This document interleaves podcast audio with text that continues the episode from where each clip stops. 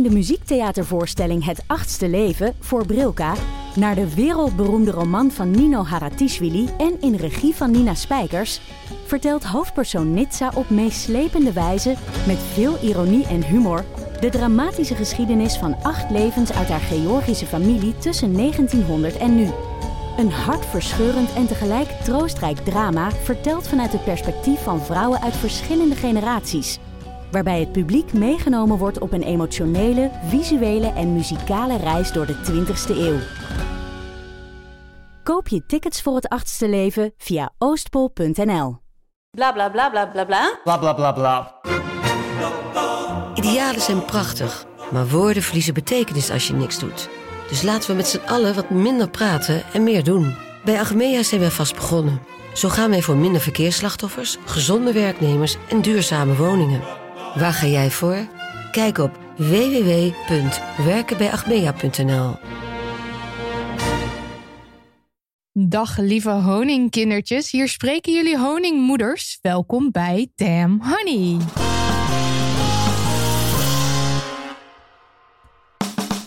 De podcast over shit waar je als vrouw van deze tijd mee moet dealen. Mijn naam is Marilotte En ik ben Lydia. Welkom bij aflevering 66. en vandaag in de studio een oude bekende, want ze was ook te gast in onze kerstaflevering in 2019. Ze is media- en cultuurspecialist en houdt zich bezig met vrouwelijk leiderschap. Momenteel is ze druk met haar eigen platform, een broedplaats voor onvertelde en verborgen verhalen. Maar bovenal is ze nu sinds zomer vorig jaar moeder van Nova.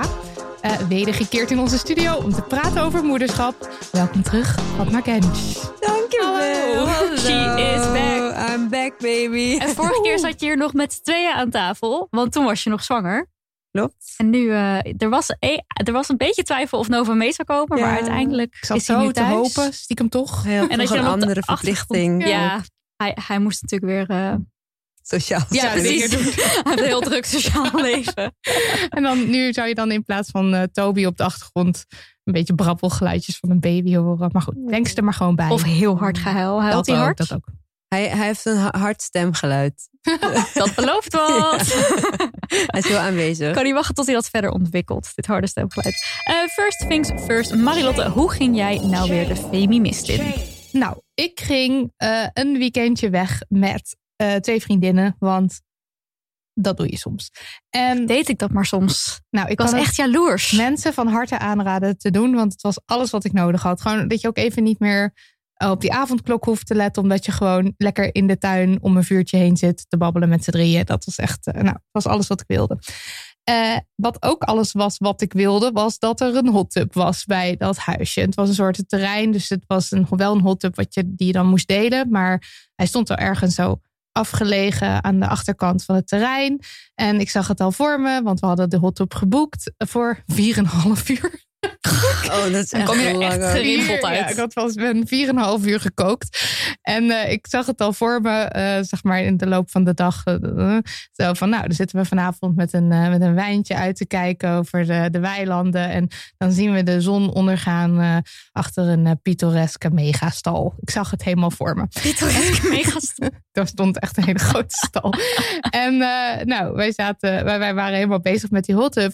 Maar toen kwam er een groep mensen daar een, eh, in een ander huisje een feest vieren. Nou, hartstikke leuk. Ik gun het iedereen, een feest. Ehm, maar die gingen dus eh, vlak achter de hot tub in de loungehoek daar, die daar gemaakt was, zitten. En dan zitten daar, ik weet niet hoeveel mensen waren, stuk of acht geloof ik. Nou, die zaten daar te brullen en te doen.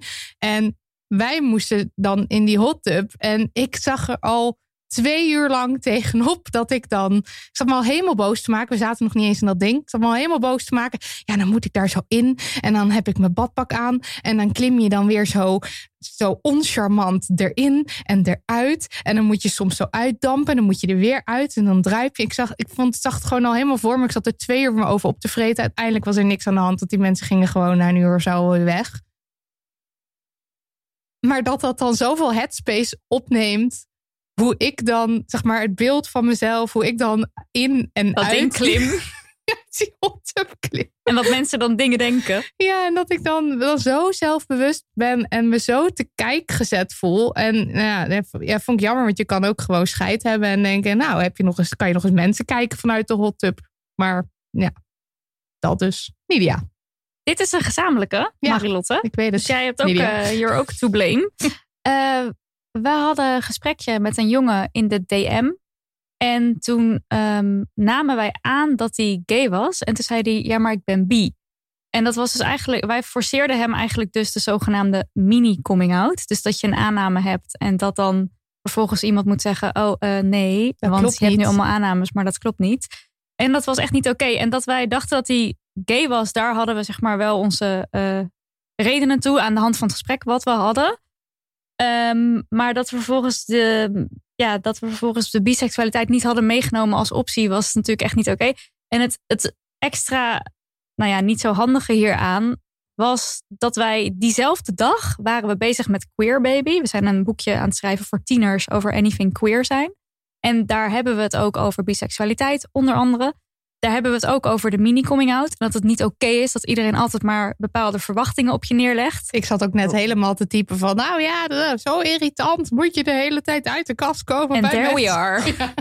We Ja. deden het echt En toen deden we het zelf. Ik voelde me oei. ook echt rot over. En hij zei wel zoiets van, nee, het maakt niet uit. Maar ik dacht echt van, het maakt wel uit. Want het was ook nog eens een gesprek wat het ging over iets kwetsbaars, over iets moeilijks, over iets, iets verdrietigs. En dan doe je dit ook nog. En ik baalde echt van mezelf. Ja, en ik merkte En- ook wel aan zijn reactie van het was niet erg, maar dat, het was duidelijk dat dit Vaak gebeurt, gebeurde. ja. Hij zei ook zoiets van, ja, biseksualiteit blijft moeilijk voor mensen, zoiets. En dat is ook een enorm eh, eh, stigma of probleem waar mensen tegenaan lopen die biseksueel zijn. En dan doen wij daar aan mee. Ja. Ik was very disappointed in mezelf. en in Nou, jou ook. Ik ook. In mezelf en in jou. How ik ook in you? juli. Nee, Oh. nee, ik was er niet bij. Ik het was nou er- erger. Nee, ik snap het. Ehm, maar wel goed dat hij dat heeft aangegeven trouwens. Vond ik ook. Ja, Dat vind ik dan heel knap. Want als je het dus heel vaak tegen hier tegenaan loopt, Mm. dan, dat je op, dan ga je op een gegeven moment ook misschien ook zoiets hebben van Laat maar. maar. Ja. Maar goed is goed dat dat het heeft gedaan. Maar ook, ook, weer, ook weer niet dat je toch een soort van gedwongen... Nou ja, het is gewoon heel Ja. gecompliceerd. Ja. Want lastig. zowel het laten lopen is rot, zo, en het iets ervan zeggen is ook rot. Kan ik me voorstellen. Ja. Ik heb zelf nooit een mini-coming-out hoeven doen, maar...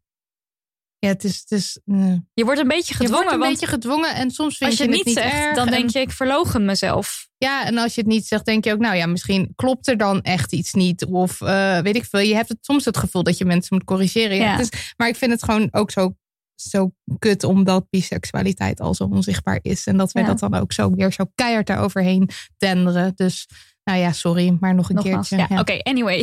ga. Ehm, ik moest er even over nadenken. Dat is een Ehm, goed teken. Nou, ja, weet ik niet. Oh. Ook een level van zelfbewustzijn, Oh denk ja, ik. zo kan je het ook zien. Eh, maar degene waar ik denk ik eh, eh, op uit ben gekomen is eh, dat eh, mijn retail therapy was even de eigenwaarde in mezelf zoeken. Dus eh, ik ging dingen kopen omdat ik dacht, oh ja, dan voel ik me vast beter. Ah. Ja. Ja. Dan voel ik me lekkerder in mijn vel. Dan En voel ik me het? sexier. Ik heb het nog niet, het is onderweg. Oh, oh, oh, En, en, en wat heb je gekocht? Ik heb eh, hele mooie jaren zeventig eh klompsandalen gekocht. Van die has-beens heet het. Swedish ja, has-beens. dat ken ik wel, Oh, ja. Ik, ik Ja. mag helemaal geen merken noemen natuurlijk. Natuurlijk wel. Zeker wel. Alles mag je hier. Ja. Van die houten klompen. Schelden, Maar dan hoog. fucking klompen. Fucking kutklompen. Fucking kut hoge klompen. Hele vrouwelijke klompen. Nee, nee, het waren zo'n hele mooie klompen. En ik, ik dacht, ken ze wel. als ik daar dan op loop, dan voel ik me iets sexier. Ja. Ja, Weet Dus je, het dat- zoeken in producten in plaats van in jezelf. Ja. Precies. Herkenbaar. ja, Ja. herkenbaar. En ook, ja, ik bedoel, Ik kan niet wachten op de foto's. ik van ben me. ook erg benieuwd. Ik zal ze doorsturen. Tijd voor post. Tijd voor post. Eerst even een leuk bericht. Hoi, ik wilde even zeggen dat ik net op de fiets naar een aflevering van jullie podcast aan het luisteren was. Terwijl ik op de stoep een man heel dwingend gedrag zag vertonen tegen een vrouw. Hij leek haar te willen overhalen, slash overtuigen en trok aan haar. Gesterkt door jullie eerdere afleveringen over straatintimidatie ben ik meteen tot stilstand gekomen, heb mijn koptelefoon afgezet en de vrouw straightforward gevraagd of alles oké was. Ze keek me in mijn ogen aan en zei dat alles prima was en de man riep naar me dat ze zijn vrouw was. Prima verder. Het voelde voor mij gewoon heel goed om haar zo bij te kunnen staan. En om ook naar hem de boodschap uit te dragen dat het er niet oké uitzag. Ik vond altijd al dat je als voorbijganger niet je blik af mag wenden of doen of je neus bloedt. Maar met jullie stem in mijn oor ging de, knoop, ging de knop extra snel om. Thanks voor wat jullie doen. Zo goed. Wauw. Ja, echt, want het kan echt een drempel zijn als je, dat, als je iets ziet gebeuren. Want dan ga je altijd zo kijken en dan denk je, is het nou echt? Gebeurt er nou echt iets of niet? Of Maar het weet je wat ik ook goed vind aan eh, dit? Ik vind het heel leuk dat ze het opstuurt, ondanks dat het dus niet zo is Ja, dat ook. ze de, de rescuer of zo, zeg maar. Je hebt gewoon eventjes, gewoon heel even ingecheckt. En dat hoeft niet Ja. altijd te betekenen dat dat Ja. dus, dat je een leven hebt gered of whatever. En misschien zit je er wel heel erg naast en dat is ook allemaal oké. Doet me denken aan een andere DM die we hadden. ehm, wa- waarvan kort de strekking was van meisje liep over straat, werd gecatcalled. Ander meisje zei, hé, hey, dat kan je niet maken. En toen was dat dus gewoon haar vriend. Die, was, die deed voor de grap, zeg maar, het catcallen. En zij vond het heel eh, goed dat dat meisje er wat van gezegd. En nou, het was gewoon, was gewoon een leuk, een leuk gezellig... eh, Maar het gaat dan dus ook over het gewoon het omarmen dat je er soms ook naast kan zitten. ja, en dat dat helemaal oké is. is. ja. Ja. Dat dat dus niet iets is om je voor te schamen of je lullig over te voelen. Ja. Nou, lekker gewerkt. Eh, nou, dan is het ook nog, voor we naar het poststuk gaan, tijd voor een kritisch bericht. Dit is nieuw in deze... Het is nieuw, rubriek. ja. Dus, eh, nou, komt ie hoor. nee, want we kregen een kritisch bericht eh, van Roby. En ik ga het niet voorlezen, want het is heel lang allemaal. Ehm, maar het ging over mijn laatste Damn Honey No. Eh, van de vorige aflevering. Ik had zo'n carousel aan no's. Ik had heel, en dit was dan de laatste. Eh, en die ging over de COVID-vaccins en hoe men bij de ontwikkeling daarvan geen rekening houdt met seksenverschil. En dit was naar aanleiding van een stuk dat ik had gelezen in Trouw en in de Groene Amsterdammer. Nou, dan zijn er twee dingen waar ik graag even op in wil gaan. Ding één is, ze wees me erop dat ik dingen zei die medisch gezien helemaal niet klopten. Shame, shame. Je moet de shame wel. Ja, Ja. dus eh, daar moet ik ook even sorry voor zeggen, want eh, ze heeft gelijk. Ik eh, heb het dus vanochtend. Ik, ik, ik zit al een week zat ik uit te stellen dat ik het terug moest luisteren, want ik kreeg er een beetje buikpijn van. Nou, ik heb het teruggeluisterd ehm, en ik zeg inderdaad dingen die niet kloppen. Ehm, maar je goed, moet, een mens moet verantwoordelijkheid nemen voor flapheid uitspraken, dacht ik. Dus dat gaan we dan doen. Ehm, Even voor duidelijkheid, daar waar ik begin te vertellen of uit te leggen hoe het auto-immuunsysteem werkt. Fun fact: het auto-immuunsysteem is niet iets, het is immuunsysteem. Eh, klopt er niks meer van. En daar waar ik dingen zeg over trombose en allergie en hoe dat werkt precies, eh, moet je me ook negeren. En eh, nou ja, ik- ik denk dat het dus dat, dat de anderhalf jaar geneeskunde die ik achter de rug heb, ooit een blauwe maandag gewoon me even naar het hoofd zijn gestegen. Ik weet helemaal niks over hoe alles precies Ik werkt. kon dit ook echt totaal niet her- Ik was totaal uitgetuned tijdens deze opname dat je daarover begon. Want ik weet ook echt niet, geen idee. Eh, maar Wat je goed, toen het is ook vrij, vrij, vrij kort. Eh, maar goed, ik zeg dus wel dingen die niet kloppen. Een Dus mens leert ervan, we Ja. moeten Ja. dat ook gewoon niet doen. Ja, Daarover precies. praten als we daar geen verstand van Ik had hebben. het me ook gewoon zelf veel te moeilijk gemaakt. Want dan duik je er weer in en dan ga je zo googlen. En dan leg je allemaal verbanden die niet kloppen. Terwijl het, het, de Damn Honey No zelf was al erg genoeg. Ik hoef helemaal niet uit te leggen hoe nee, dat en allemaal mensen kunnen ook werkt. zelfvertrouwen en gewoon Precies. Amsterdam lezen. Nou, Maar goed, En ding twee is, eh, ze vond, en ook daar heeft ze gelijk in, dat we niet genoeg duidelijk hebben gemaakt dat de bijwerkingen bij de vaccins dus echt heel zeldzaam Heel. zijn. Echt heel zeldzaam. Het gaat om een handvol meldingen op een paar miljoen gezette prikken. En de kans dat er een ernstige bijwerking optreedt bij jou door een vaccin is heel, heel, heel, heel mega piep, mega heel klein. Ik wil dan ook dus graag nog even gezegd hebben dat als de vaccinpiepeltjes me nu zouden bellen en zouden zeggen: Hey hoi, we hebben hier een spuit Mhm. vol AstraZeneca voor je, dat ik met onmiddellijke ingang deze studio zou verlaten en me zou laten volspuiten. in je I bil. het vaccin Hoppa. in mijn bil, Ja. inderdaad. Ja. dus, eh, en eh, viroloog Marion Koopmans tweet op 2 april nog: Oké, even opgezocht. Kans op trombose na AstraZeneca-vaccinatie zit tussen kans op overlijden door een aanval door een hond en kans op overlijden door bliksem in. Dus het is echt een mini-kans. Mensen kunnen niet omgaan met zulke grote getallen. Nee, maar goed. Dat ik is heel moeilijk wel- om te begrijpen. Maar volgens mij is vliegen, roken en de pil slikken allemaal even eh, gevaarlijker. Oh, nu ja, ga ik weer dingen zeggen die ik dus niet moet zeggen. Oei, oei, oei, ik wou net zeggen. Stop de tijd. Oh. Stop de tijd. Ik gebruik hier een bron van een viroloog. hè? Deze bron is een soort van tweet die ik zo vier weken geleden misschien een keer per ongeluk toevallig gezien heb. Dus stop de tijd. ja. Ik heb dat niet gezegd. Nee, Nidia heeft dit niet, niet gezegd. mailen, Roby. Nee. Ik heb Nee. dat niet gezegd. Ehm, maar de no blijft wel echt zeker een no. Dat bij het onderzoeken en ontwikkelen van de vaccins geen rekening wordt gehouden met seksen, is kwalijk. En vrouwen zijn er de pineuten door. Ja, Ja. oké. Door naar hem. het echte poststuk. Ja. Lieve Marilotte en Nidia. Lieve woorden die ik er even uit heb gehaald, want tijd. Ik overweeg al een tijdje om jullie te schrijven, maar wilde eerst luisteren of jullie het onderwerp wat ik graag wil benoemen niet al ergens voorbij laten komen. Ik ga namelijk binnenkort trouwen. Het is echt ongelooflijk wat er dan op je afkomt aan gebruiken en gewoontes, ongelijkheid en vooral verwachtingen. Even een korte schets. Ik ben een stoere en ondernemende vrouw uit een niet-gelovige omgeving die haar hele leven al goed in een jongens-mannenwereld gedijt. Ik ben bioloog, hou van klussen en ben van mening dat ik goed wasmachines kan sjouwen. Dus als je nog eens een wasmachine moet verplaatsen, Marilotte, Love it. wink emoticon. een jaar geleden ben ik met mijn vriend naar Zweden verhuisd, waar we in een klein huisje in het bos wonen. The dream. Toch? Zeker. Ik vind het heerlijk om in mijn eentje hout te hakken in de schuur. Kan sinds een maand met een kettingzaag overweg, trots. En heb samen met mijn vriend een busje tot campertje omgebouwd. Ik was dus erg verbaasd toen mijn omgeving op de trouwplannen reageerde. Ik werd in een oncomfortabel klein en niet passend hokje geplaatst door mensen die me goed kennen. Het maakte mezelf onzeker of trouwen dan dus misschien. Het maakte mezelf onzeker of trouwen dan dus misschien een verkeerde route voor mij zou zijn. Het begint vaak al met het vertellen van het trouwen. Als ik zeg dat ik ga trouwen, roepen de meeste mensen gelijk: Gefeliciteerd!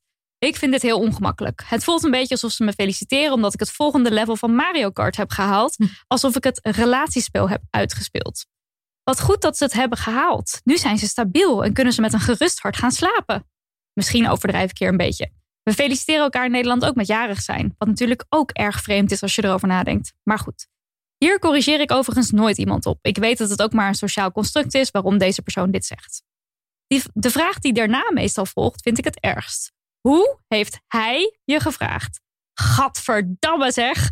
De aannames druipen ervan af. Ik doe deze, alle intonatie die ik doe is allemaal hoofdletters. Dus ik hoop dat het goed overkomt. Waarom moet hij mij vragen? En wat vraagt hij dan precies? Vraagt hij mijn toestemming om mij te mogen claimen? En blijkbaar willen we dan ook nog dat hij dat op een bepaalde manier doet. Niet zomaar in je dagelijkse omgeving, maar op een bergtop, openbaar, in een restaurant of op de radio. Ook hiervan snap ik wel waar het vandaan komt, want ik ben zelf ook met Disney en Say Yes to the Dress opgegroeid en vond het vroeger vreselijk saai dat mijn ouders ook geen mooi verhaal hadden over het ten huwelijk vragen. Wat on- onromantisch en suf van ze. Maar ik zou dus graag willen bepleiten dat het super romantisch is als je het samen bespreekt en samen besluit als twee gelijkwaardige volwassenen. Vervolgens gaat het ook over de jurk of de ring. Meestal wordt dan niet de trouwring bedoeld die voor allebei de partners is, maar meestal gaat het om de verlovingsring ring voor de vrouw. Wij hebben besloten geen verlovingsring te doen omdat we er niet zoveel geld voor over hadden, maar dat moet iedereen helemaal zelf weten natuurlijk.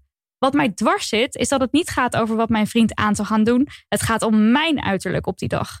Ik wil graag een mooie trouwjurk omdat ik me daar fijn in voel, maar vind het een naar idee dat anderen daar dus ook mee bezig zijn.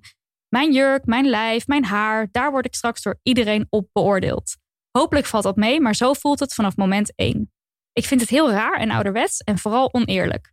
Laten we er naar streven minstens zoveel te kijken naar mijn vriend zijn kleren, haar en lijf. Of, nog beter, kijk naar onze personen die daar een vet bijzonder moment doorbrengen. Ik heb inmiddels een fijne korte jurk gezocht waarmee ik nog steeds door het hoge gras kan rennen als ik dat wil. We trouwen namelijk in onze tuin. tuin en waarmee ik 's ochtends nog snel even naar het meer kan fietsen voor een laatste plons. Ik vind het zo'n leuk detail. Echt. Om de drukte van het feest te ontvluchten, vertrekken we de dag na de bruiloft met een paar vrienden op roadtrip trip, roadtrip naar Lapland. Verder organiseren we alles thuis en buiten om onszelf stress en geld te besparen. Het is voor ons heel belangrijk om het zo in te richten dat we vieren wat wij willen vieren. Namelijk dat we een team zijn en dit willen we graag officieel regelen. Daarmee is het dus niet zo dat ons leven veilig, voorspelbaar of volgens het boekje is. En we hebben geen levels uitgespeeld in het relatiespel. We vieren gewoon een feest omdat wij een team zijn. Deze brief is inmiddels veel langer geworden dan ik dacht. Ik heb ook het idee dat ik al drie uur zit voor te lezen. Excuus daarvoor. Ik ben erg benieuwd wat jullie denken als je dit leest. Heb ik door te kiezen voor trouwen automatisch ingestemd met deze verwachtingen en constructen? En moet ik me niet zo aanstellen? Of is er misschien inmiddels toch ruimte om het hokje voor de toekomstige trouwende personen wat ruimer te maken? Trouwtradities zijn al best veel veranderd door de eeuwen heen. Dus hopelijk kunnen we de ongelijkheid van verwachtingen ook eens aanpakken. Heel veel liefst van een trouwe honingbal op afstand. Lisette. Oh, Lisette, jouw nou, jullie mogen nu het woord doen. fantastisch. Alles klinkt fantastisch. Tweede, die ideaal. Ja, toch? Ik wil het. Geef het me allemaal. Eh, verder, ja, het is je eigen schuld. Eh, Ja, aansteller. Ik wil ook zeggen, antwoord op de vraag Ja. is eigenlijk wel ja.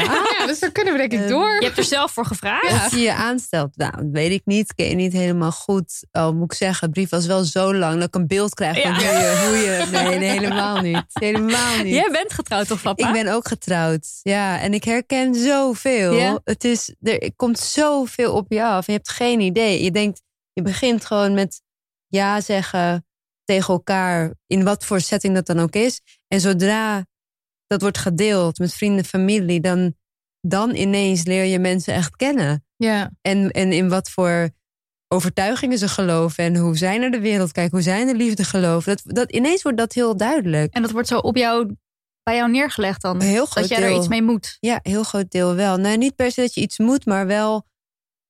Er komt toch wel een duidelijke mening Hmm. bij kijken van een ander. En een aanname ja. eh, en ongevraagd advies.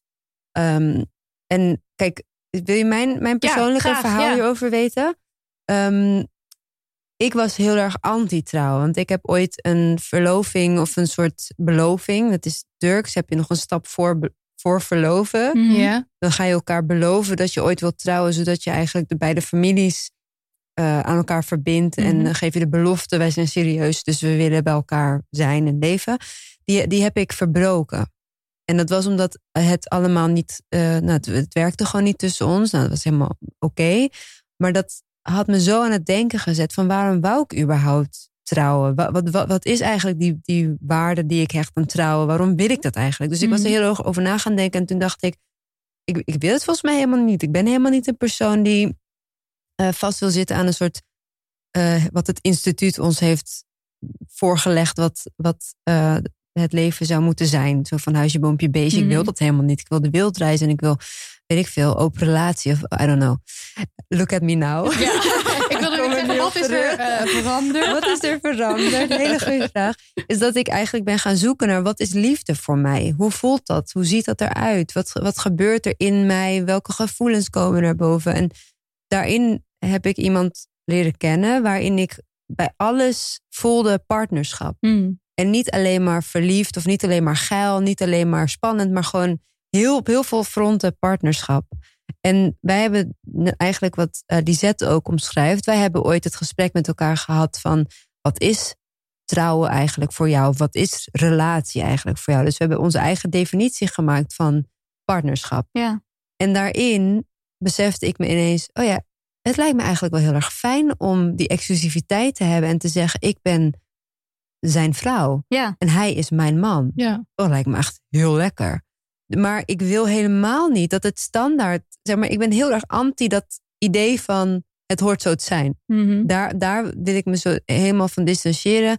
En ik heb het wel gedaan en ik voel dat ik dat dat mijn pad is Ja. met deze persoon. ja jouw keuze. Mijn Dus keuze. Niet, je ging niet mee in het zo hoort het. Precies. Maar je, dat wil niet zeggen dat je die beslissing niet kan maken om het toch te doen. Ook al is dat het pad van zo hoort het. Precies, Ja. en dat is wat er zo complex aan is. Ja. En daar komen denk ik zo meteen ook wel op terug over moederschap en Mhm. feminisme. Dat je kan en feminist zijn en de vrouw van zijn. En eh, verzorgd worden door de man. En in je kracht staan. En het, het kan allemaal. Alleen is dit een informed choice. Ja. Dus heb, ik heb er heel bewust over nagedacht. Ik heb echt onder, zeg maar, ik heb mezelf van top tot teen onderzocht. En elke overtuiging van duizend kanten bekeken. Van is dit wat ik wil? Mhm. En daarin, omdat ik er zo helder in was voor mezelf, was dat gevecht met andere mensen niet zo groot. Dus ik kreeg continu vragen over trouwen. Maar het was eigenlijk nooit een discussie en ik voelde me nooit echt belaagd daardoor. Ik had Mm. echt zoiets van: dit is, dit is van jou. Dit is jouw projectie over hoe het hoort. Ehm, we don't really care. Dus we hebben ook Ja. uiteindelijk een heel. Eh, ik was zwanger toen we gingen trouwen. Dus dat is helemaal niet hoe het hoort. Als je zeg maar v- uitgaat, daarvan toch, uitgaat, ja. maatschappelijke, Ja. het maatschappelijke Hollywood verhaal. geval. Nee. nee, precies. Het soort, ehm, dus wij hebben, ik was zwanger, we hebben ge- wij zijn op papier getrouwd voor het papiertje om ons kind te erkennen. Ja, dat, dat soort dingen, dat is gewoon een fucking bureaucratie. Dat, er, dat, is, dat is het lastige daaraan, dat je ineens dat soort keuzes moet gaan maken waar je eigenlijk niet over na wilt denken. Mhm. En dan komt er nog van alles bij kijken over je financiële. Daar wil ik niet eens over hebben. Maar zeg maar, die, er komt zoveel nog bij kijken waar Ja. je geen idee van hebt. Uh, maar voor ons was het gewoon. Wij willen de liefde vieren. We houden van elkaar. We houden van feestjes. Ja, Uh, precies. Dat, zou voor mij denk ik it. ook een heel belangrijke eh, cri- cri- cri- criterium, criterium zijn. Dat, Ja, je, dat je ja. Zin hebt in een feest. Ja. Dat het gewoon leuk is. En nog veel meer. Dus Ja. wij hebben gezegd. We gaan nu. Ons feest was voor heel veel mensen het laatste feest voor de hele coronatijd. Oh ja. Het was Oh. eigenlijk ons voorfeest. Wij wilden nog een grotere bruiloft geven. Maar dat ging niet. Nee. Dus het was zo van, oké, dan gaan we over vijf jaar, als de kleine groter is en hij er bewuster bij kan zijn, geven we dan een groot feest. En dan zorgen we dat het een soort concertachtig gedoe wordt met een buiten. Een, weet je wel, gewoon zoals wij willen feesten. Niet Ja. die ceremonie, niet het taartmoment, absoluut niet het toastmoment. Ik- Dat is allemaal niet van mij, dat is niet Ja, wie ja, ik ben. Maar als je gaat trouwen en je gaat naar een willekeurige organisatie, je krijgt gewoon zwart op wit een menukaart. Oh ja, Waarin met al, de, staat al die Om 12 segmentjes. uur ja, is de precies. ceremonie. Dan om 11 of Ja. eh, 11 over 12 is er dit. Dan loopt de bruid naar dat. Het- En dat, dat is gewoon, dat, dat is wat we niet moeten doen, vind ik. Iedereen Ja. moet gewoon zelf nadenken van wat past er bij mij? Wie ben ik? En wat ik me ook heel erg voor kan stellen is dat je je dus... Oké, dan ga je trouwen en dan is dat, dat zijn dan jouw keuzes en je informed decision. Maar dan, dan ga je misschien op websites kijken of inspiratie en zo. En dan komt er zoveel op je af. En het is ook allemaal op de bruid gericht. Als je, Mhm. als je uitgaat van heteroseksuele koppels, Ja. dan is het allemaal op de bruid. Want wij, wij zaten op die, eh, een paar van die websites te kijken. En dan is de bruidegom die, zeg maar, het tiplijstje van voor de bruidegom is één, eh, wees aanwezig. Zeg maar, het is een soort van quasi grappig. Of dan schrijft er een bruidegom, schrijft dan een gastblog. En de rest van alle, alle En zo'n gastblog is dan ook altijd, ja, het was toch eigenlijk toch wel een hele leuke dag. En Ja. het, eh, zo, ja, Dus soort je van ook- veel weerstand. Maar goed, toen ging ik er maar mee, want het moet allemaal van mijn vrouw. Een Ja. Beetje zo, zeg Ja. maar. En dat- die suffe vrouwen dingen. Maar goed, ja, inderdaad. Dit is van, dat is een vrouwending. En dan Ja. die man die hobbelt er zullig achteraan. Ja. En dat, ik bedoel, ik snap dus ook dat je heel erg.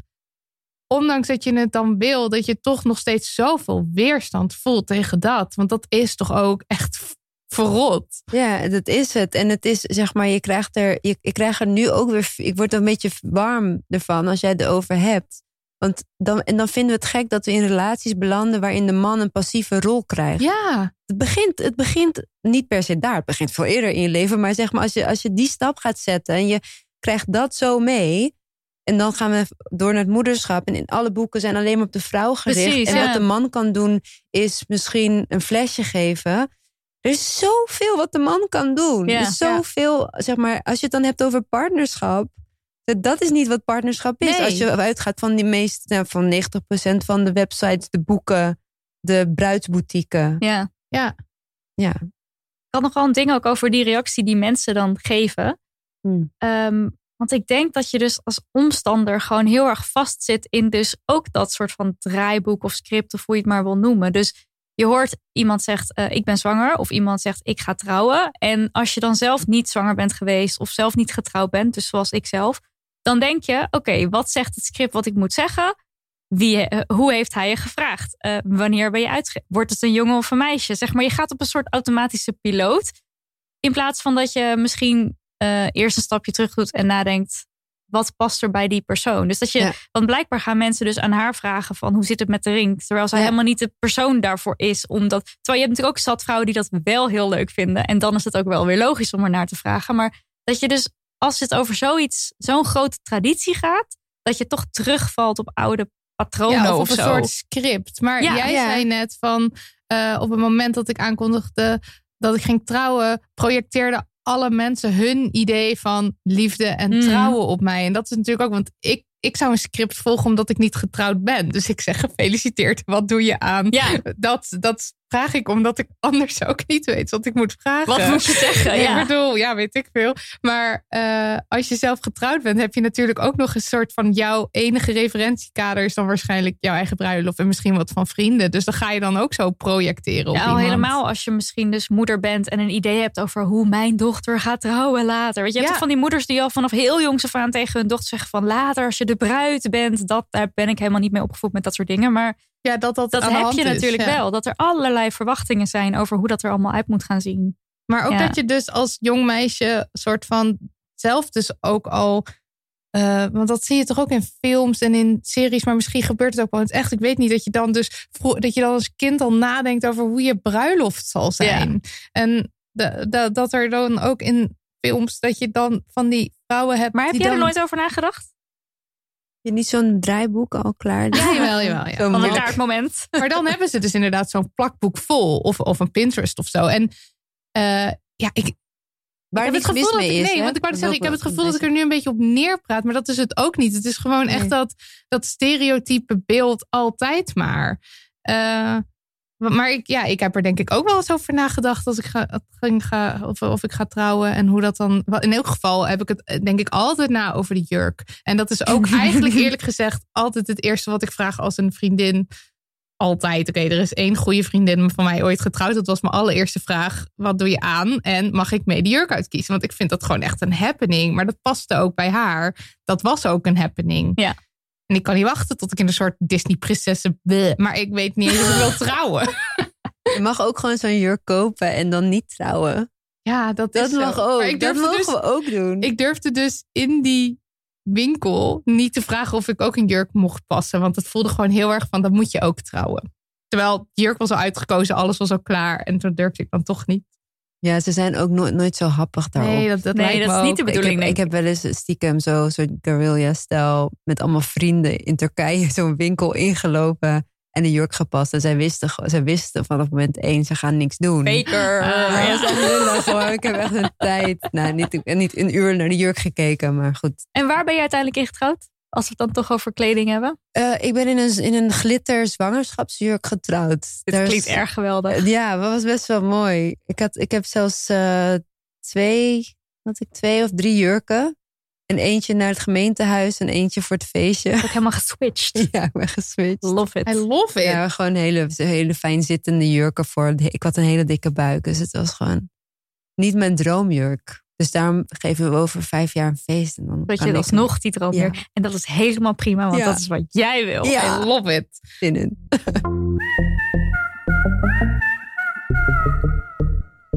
Sponsortijd. Vorige week hebben we onze eerste Damn Honey Very Exclusive, Very Special bonus podcast gedropt. Gedropt. Online. Eh, die te beluisteren is voor onze, al onze maandelijkse donateurs die ons via petje.af slash damnhoney steunen. En vanaf nu gooien we om de twee weken zo'n extra special exclusive aflevering online. In de eerste aflevering neuzelen we bijvoorbeeld een half uur lang over wasmachines, stuntelseks, wondervitamines en ruzie met Daniel van de Poppen. En ik zing heel professioneel de tune in. Het verschil met de oorspronkelijke tune uit deze podcast is bijna niet met het blote oor waar te nemen. Inclusief muzikale begeleiding van mezelf door mezelf op de Sansula. Dit wil je niet missen hoor. Eh, je kan zelf kiezen wat je doneert, als het maar maandelijks is. 1 euro of 3 of 5 of meer per maand. Go nuts. Ga naar petje.af slash damnhoney en doneer. Of niet, zelf weten. En er is ook een Telegram groep hè, waar je in komt. Oh ja. En een ringtone. Ja, hartstikke leuk. Doei. Doe maar.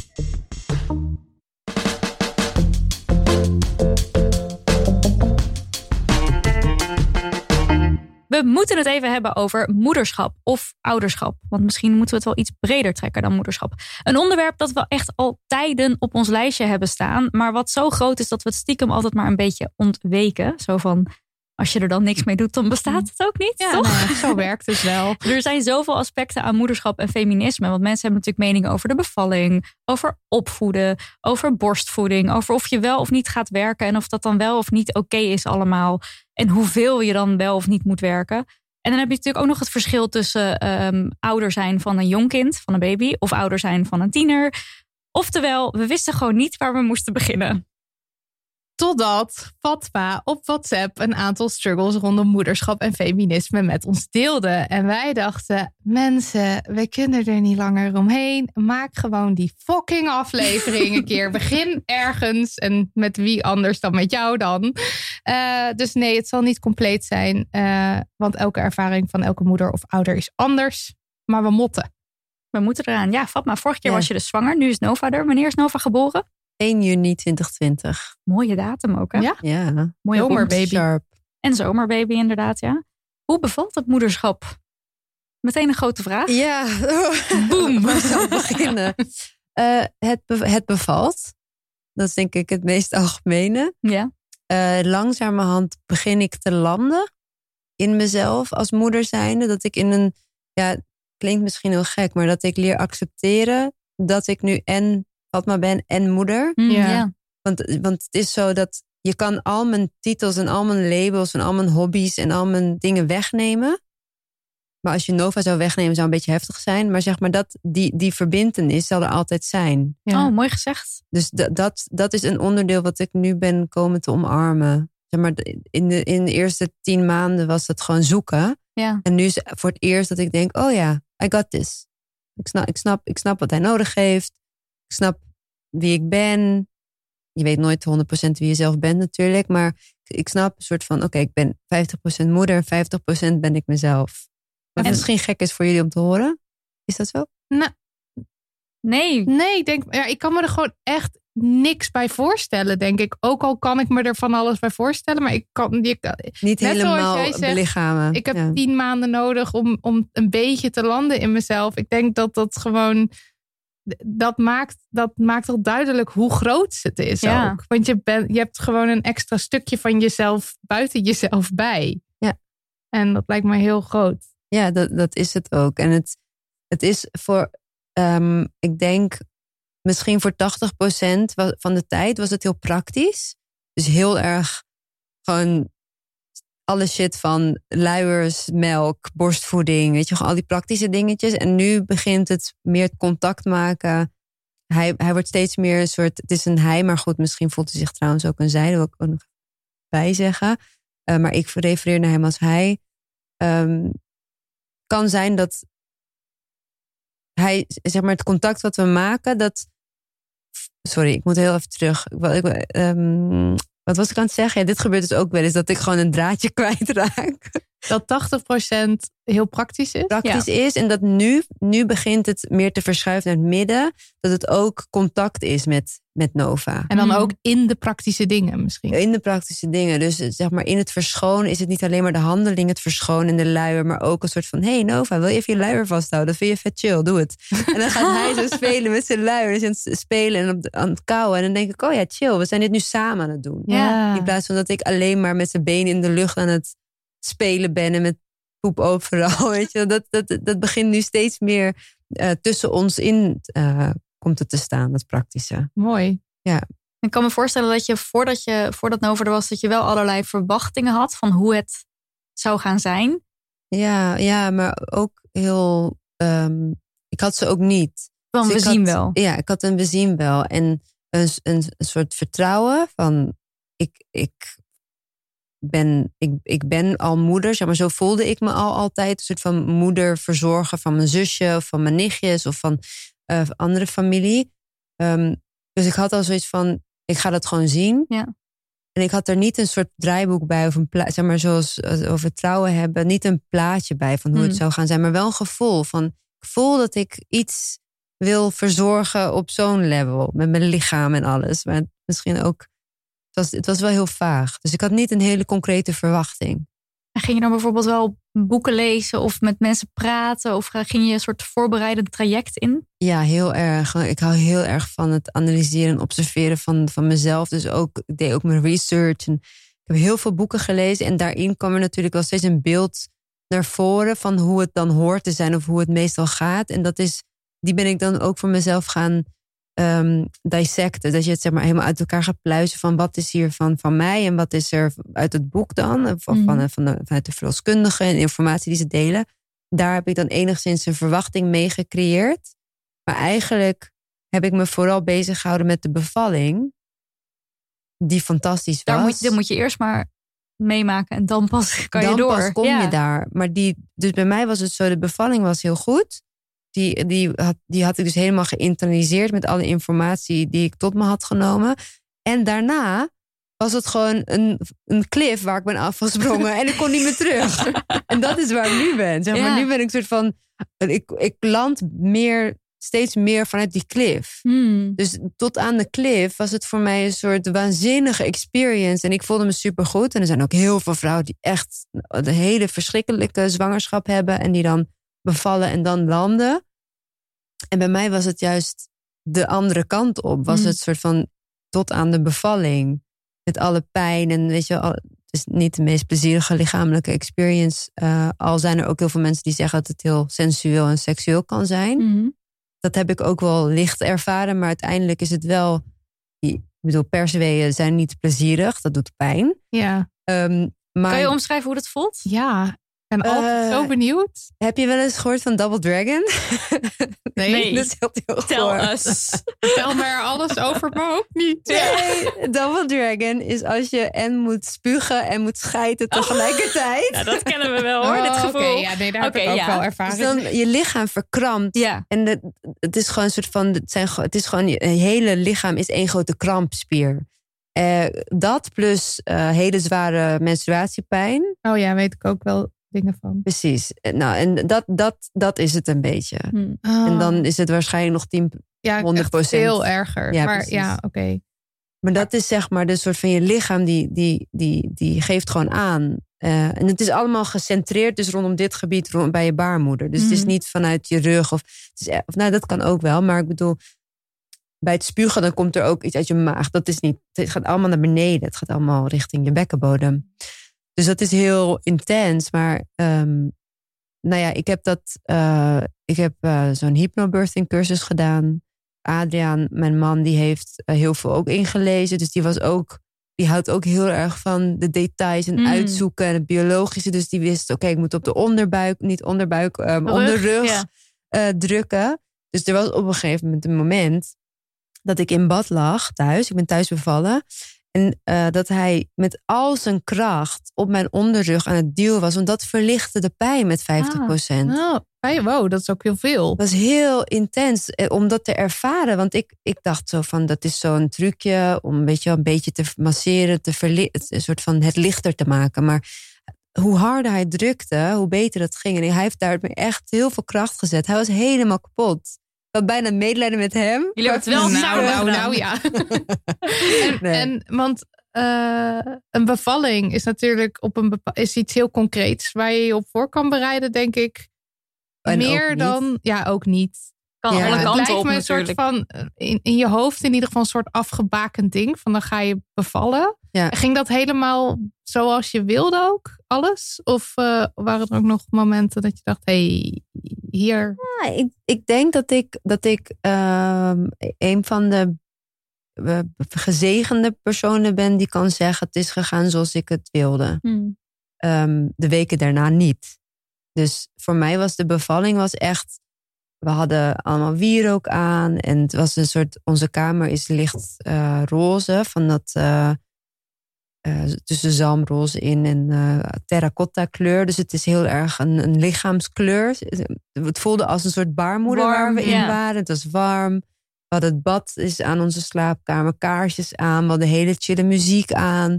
Van binaural beats tot aan ehm eh, crunchbin. Van- die hele relaxte vibes waren er. Dus, en toen kwam een hele goede vriendin van mij, die was mijn doula.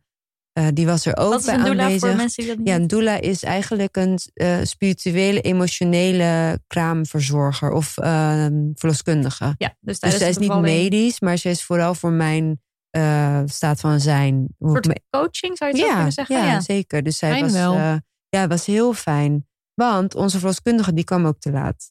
Dus het was een soort. De verloskundige was er drie kwartier voordat hij werd geboren. En ik heb, ik heb eh, weet ik veel, acht tot tien uur ben ik bezig geweest met bevallen.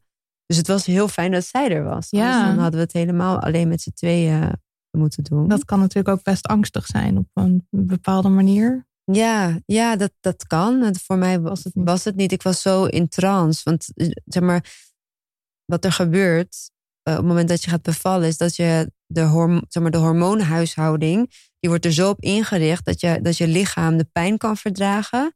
En de, je hebt dus een heel erg hoog level van eh, endorfines en e- oxytocine.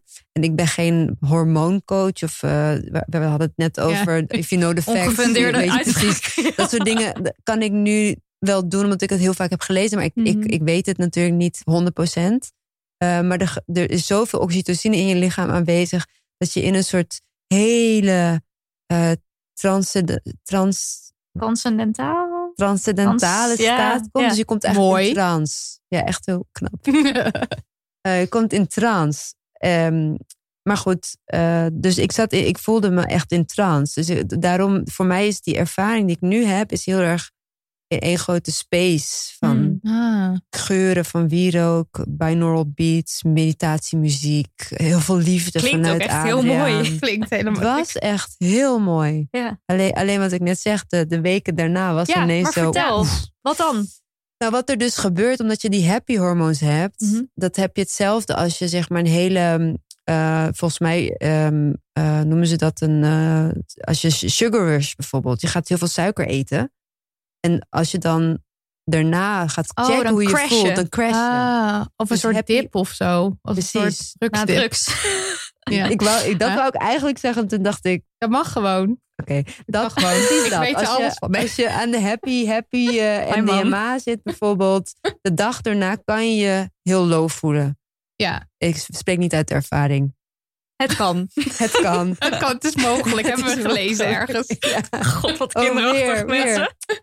Ehm, maar dat is dus Don't wat er drugs, gebeurt. kids. Luister ook jonge mensen. Goed, dat is wat er gebeurt. Maar dat voelt dus rot. Nou, in mijn geval wel. Ja. Ja.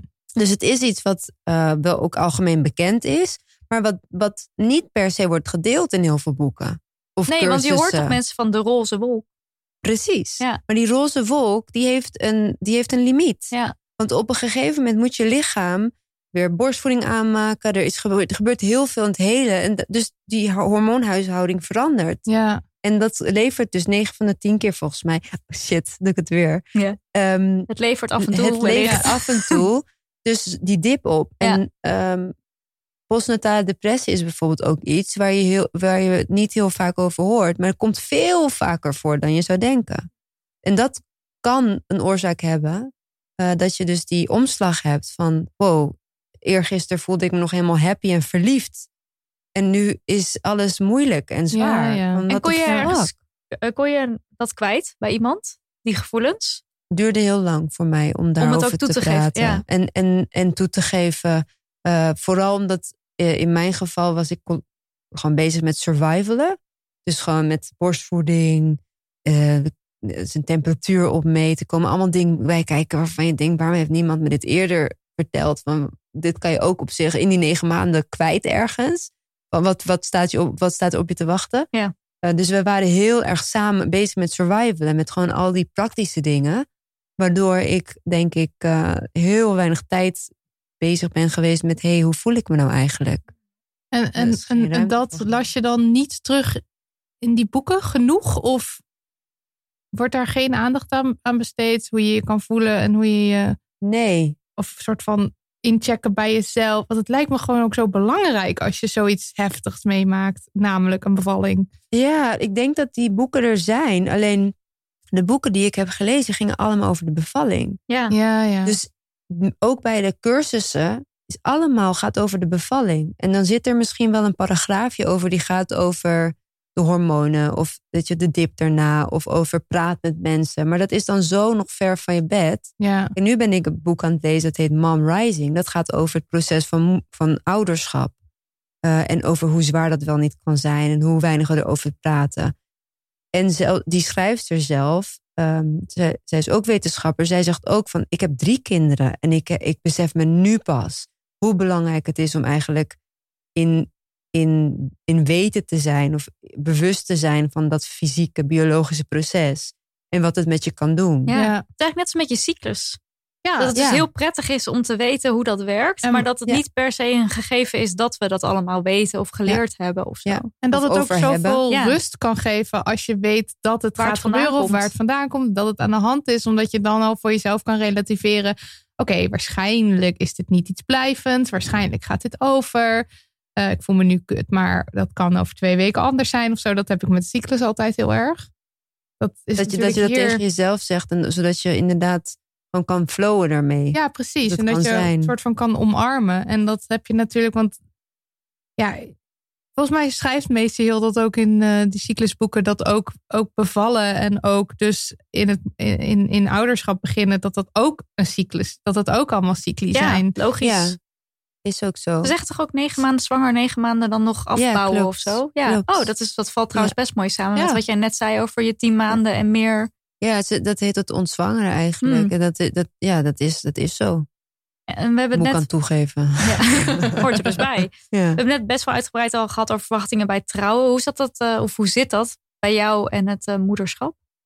Ehm, Van buitenaf, alle meningen, alle, alle Ja. dingen die je leest. Van en mijn moeders moeten dit en dat. En, Ja. Wordt er dan ook van, van, van familie en vrienden van alles op je geprojecteerd. Het is niet natuurlijk wat ze je opleggen, maar het is natuurlijk wel, zij hebben misschien ook kinderen en dan weten zij ook dingen en dan willen ze dat delen.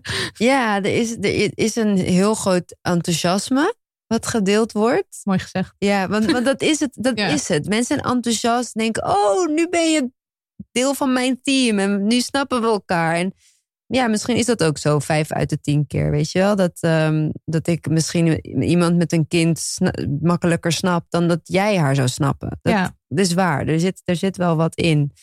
Ehm, maar er is ook een heel groot deel ongevraagd advies wat Mhm. erbij komt kijken. En ik heb me daar heel boos over gemaakt in de eerste. Want je, één, ding, één ding wat bij mij is gebeurd en volgens mij ook vaker voorkomt, is er komt een hele grote onzekerheid. Die komt ineens zo bam vrij. En dat heeft te maken ook weer met, met je hersen, hersenen. Het schijnt, schijnt dat je hersenen evenveel ontwikkelen vergeleken in, met in je puberteit. In je puberteit gebeurt er van alles, eh, eh, dus in je hersenen. En dat schijnt ook te zijn na je bevalling. En daarbij komt er ook een hele grote onzekerheid. Want alles waarvan je dacht, het is wie ik ben, is gewoon van de een op de andere dag niet meer zo.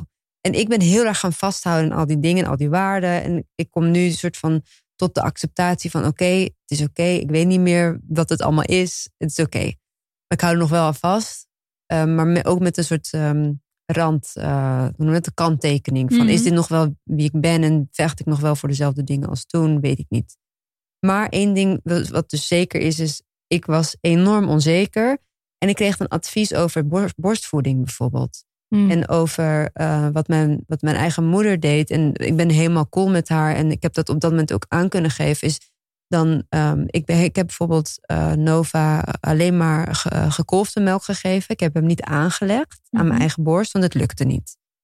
Daar lees je ook enorm veel over. Dat wat er allemaal niet goed voor is, wat er wel goed voor is, weet ik veel. Heel veel, heel veel mening over. Mhm. En ik had dus besloten vrij vroeg al, ik ga niet aanleggen. Ik ga gewoon lekker kolven. Heb ik een apparaat, is vrij te overzien. Kost takken veel werk, want je moet alles continu schoonmaken en uitkoken. Het is echt, oh, uren heb ik daarmee bezig, ben ik daarmee bezig geweest.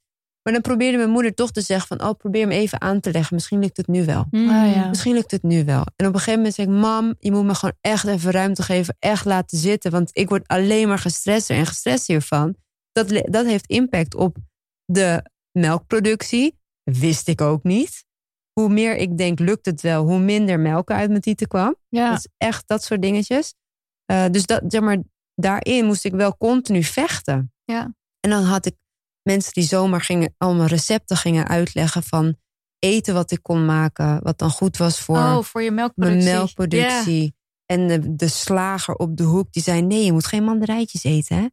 Oh, ik echt? dude, Iedereen was involved. Ja. Iedereen was involved. En ik snap het ook wel. Want, ehm, en dit is, het, dit is dus de, de, de, de tweestrijd in mij. Enerzijds is de plek van de moeder in de, in de maatschappij, zoals ik het beleef nu, die staat aan het randje. Moeders hebben vrij weinig, ehm, die zijn vrij weinig onderdeel van het gesprek. alle dag. En dit is wat ik jullie ook heb geappt toen in de groep. Zo van, ik voel, het voelt alsof ik er buiten sta, alsof ik niet meedoe. Mhm. Ehm, dus ik vond het heel erg mooi dat die slager ineens tegen mij zei... hey, niet mandarijntjes eten, want dan krijgt hij buikkrampjes van. Want je voelde je opeens gezien. Ik voelde me ineens gezien. Ik dacht Ja, ja. ineens, oh, ik krijg ineens een soort liefdevolle comment. En oké, ik ga er niks mee doen. Maar ik, ik, ik vond het ook wel interessant of zo. En al die andere mensen die meningen hadden, dacht ja, leuk voor je dat jij mij het advies geeft om niet pittig te eten. Maar wat gebeurt er met kinderen in India? Die eten toch alleen maar kruiden. Wat ga je nou tegen mij zeggen dat ik geen knoflook mag eten, doen in mijn eten? Rot echt op. Dus het slaat echt nergens op. Dus, dus ik, kon er, ik, kon er, ik kon het waarderen en tegelijkertijd kon ik er ook wel een soort van grens in trekken van eh, ik ga daar helemaal niks mee doen. Mhm. Dit is niet aan jou om mij te vertellen wat ik wel of niet eet. En als ik zin heb in knoflook, dan eet ik gewoon knoflook. En, en in een ideale wereld, zeg maar, hoe reageert de, de wereld in jouw ideale wereld op moeders? Ehm, allereerst zou de, zou de moeder zich gewoon eh, zelfverzekerder mogen voelen. En dat, dat, is iets, dat wens ik iedereen en mezelf gewoon heel erg toe. Ik weet niet hoe dat kan, maar dat is één. En als dat zo is, dan, eh, dan zou de ideale wereld, denk ik, ehm, meer ruimte hebben en meer, hoe zeg je dat nou? Ehm, meer het beeld van de moeder als, als een eh, zelfverzekerd iemand neerzetten in plaats van de vrouw die de boodschappen doet Ja, ja, bij een ja. supermarktreclame. Ja, Want zeg maar, de moeders die eh, actief huisvrouw zijn bijvoorbeeld, die managen een heel bedrijf. Mhm. ja dat wordt echt onderschat. Dat wordt enorm onderschat. Alle soorten eh, taken die ze uitvoeren, de, de, de, hoe, ze, hoe ze alle ballen hoog houden en bewust zijn van, oh ja, daar ergens in de kast staat dit nog, dat moet eh, binnen een maand gebruikt worden, want dan is het niet meer geldig, weet je wel, neusspray, zeg maar iets. In mijn geval zo. tot aan de wasmanager, tot aan het Weet je wat? ik zit nu daar. En ik besef me nu, wauw. ehm, en ik heb dat altijd al gezien bij mijn eigen moeder. Van, en ze werkt en ze doet het huishouden. Holy shit, dat is Ja, gewoon een ja. 80-urige werkweek. Als het Ja. niet 120 is. Ja. Ehm, en als je, als je eh, gewoon even heel simpel eh, voorbeeld. eh, kledingmerken. Ik besef me nu, ik, ik, van, ik val. Ik, ik heb me altijd nergens in gepast, zeg maar in kleding. Ik ben vrij kort, dus ik heb altijd moeite met het vinden van de juiste outfits. Maar nu ik een mom body heb, waar, waar ik een soort van. Ik heb, ik heb zeg maar hier bij, mijn, bij mijn onderbuik, de, de moederbuik, zeg maar Mhm. dat is iets waar, wat ik wil omarmen. Maar ik, ik vind het nu heel erg lastig om een kledingmerk te vinden die geadverteerd is op mijn lichaam. En dat is misschien dat is een een veel breder onderwerp natuurlijk over lichamen. En, en gewoon dat alle lichamen er mogen zijn. En dat de fashion industrie daar niet altijd alle ruimte voor heeft. Mhm. Maar voor moeders, zeg maar, als je voor moeders dingen gaat zoeken, dan kom je bij, alleen maar bij zwangere dingen uit. Ja, Oh, ja, ik weet niet of ik. Wat ik nu aan het zeggen ben, is ook een beetje. Ik ben nog zoekende daarin. ja. Ja. ja. En heel erg zoekende daarin. Zo van waar pas ik, zeg maar, als. Ik ben een jonge vrouw. Ik ben niet per se een moeder van 40, 50 nog. Ik ben nog in, in, in de 30. Ehm, maar ik wil ook niet een soort van kinderkleding aan. Mhm. Dus kind, ja, sorry, ik ben gewoon heel erg aan het zoeken nu. ja. Maar voelt Maar, het ook ja. voor jou alsof er dus een beetje wordt neergekeken op moeders of moederschap? Want je zegt net van je staat aan de, je voelt alsof, het, alsof je aan de rand geplaatst wordt. Eh, neergekeken, misschien niet per se, want w- moeders worden wel gewaardeerd, maar meer er weggekeken? Of een soort van, ja, snap je het? is niet per Gewaardeerd se- in het zorgen, maar niet misschien meer in de rest van wie je bent. Ja, dat, dat, dat, het moederschap maar enkel één, één ding is. Hmm. Of het ouderschap maar e- alleen, dat is alleen maar wie je bent. Terwijl je bent ook nog gewoon een persoon. Wat ik net zei, je bent 50% ben je ouder en 50% ben je, zoals ik het ervaar, ben, je, Ja. ben ik ook nog mezelf. Ja. Ehm, dus het is, ja, ik vind het heel lastig om een voorbeeld te noemen. Ik weet, ik weet niet meer zo goed eh, hoe ik dat naar jullie heb gecommuniceerd in de app. Dat het zo helder voor mij was dat ik. eh, weten jullie dat nog of niet? Ik pak hem Nou, er ook gewoon over het, even bij. eh, Ja. over het feminisme en of jij jouw rol binnen het feminisme nu je moeder bent. En dat je daar, dat je daar een soort struggle voelde van. Ja, nou niet ben ik nog een feminist, dat is niet hoe je het omschreven hebt. Maar Nee. dat je daar wel een soort moeite voelde van ik ben dan nu veel thuis met Nova. En dan, weet je wel, wa- wa- welke rol neem ik dan nu in? Ja. Misschien minder eh, op de barricades, eh, wat Ja. je voorheen dan misschien meer deed. Daar, zat, daar zat ook een deel Ja. in van de struggle die je toen naar ons appte. Ja, en, en, en dat bijblijven van de actualiteiten Ja, en tuurlijk, scherp ja. bovenop zitten. Ja. En overal maar mening misschien ook over hebben. Mening over hebben, mee bemoeien. Dat is het deelnemen. Dat is zeg maar, dan ben je onderdeel van een gesprek. Mhm. En dat is, dat is iets waar ik nu bijvoorbeeld. Ik heb er één, geen ruimte voor nog, Mhm. maar dat is mijn eigen persoonlijke proces. Maar twee, ik weet niet of er ruimte is voor mijn view erop. Ja, dus dat is weer aan de kant van één, jij hebt geen tijd, maar twee, de kant vanuit feminisme is er ruimte voor moeders en hun kijk op de zaken. Precies. Want ik vroeg me ook af, voel jij je nog thuis binnen het feminisme? Eh, ja, maar het is, wel, het is wel een zoektocht. Hmm. Het is wel een zoektocht, omdat er is een intern, eh, hoe zeg je dat? Ja, intern patriarch, een interne patriarch Mhm. die zegt: je telt niet mee, want je bent alleen maar thuis en je werkt niet. Oké, dus dat werken koppel je dan heel erg aan als feminist, dan ga je ook werken. Precies. Ja, ja. Eh, maar, maar dat is zeg maar de struggle vanuit oudere feministen die ik Mhm. ken. Die zeggen, wij hebben niet geha- zo hard gewerkt... zodat jij Zodat nu je niet thuis dat kan gevoel... zitten, ja. Nee, nee, nee, zodat je niet het gevoel hebt dat je niet meedoet. Snap je? Eh, Dus ja, je, ik, ik zit nu in de tweestrijd van tel ik mee, ik heb geen baan, ik zit alleen maar thuis. En ze, wat zij zeggen tegen mij is dat jij je zo voelt, betekent dat wij ons werk niet goed hebben gedaan. Oh, op die manier Echt? juist. Ja, het is Mm. juist heel erg empowering. Dus ze Mm. zegt, dat klopt niet. Jij mag je niet zo voelen. Jij moet je, jij moet je juist in wat, hoe je het ook gaat doen, Welke keuze je ook maakt. welke keuze je ook maakt.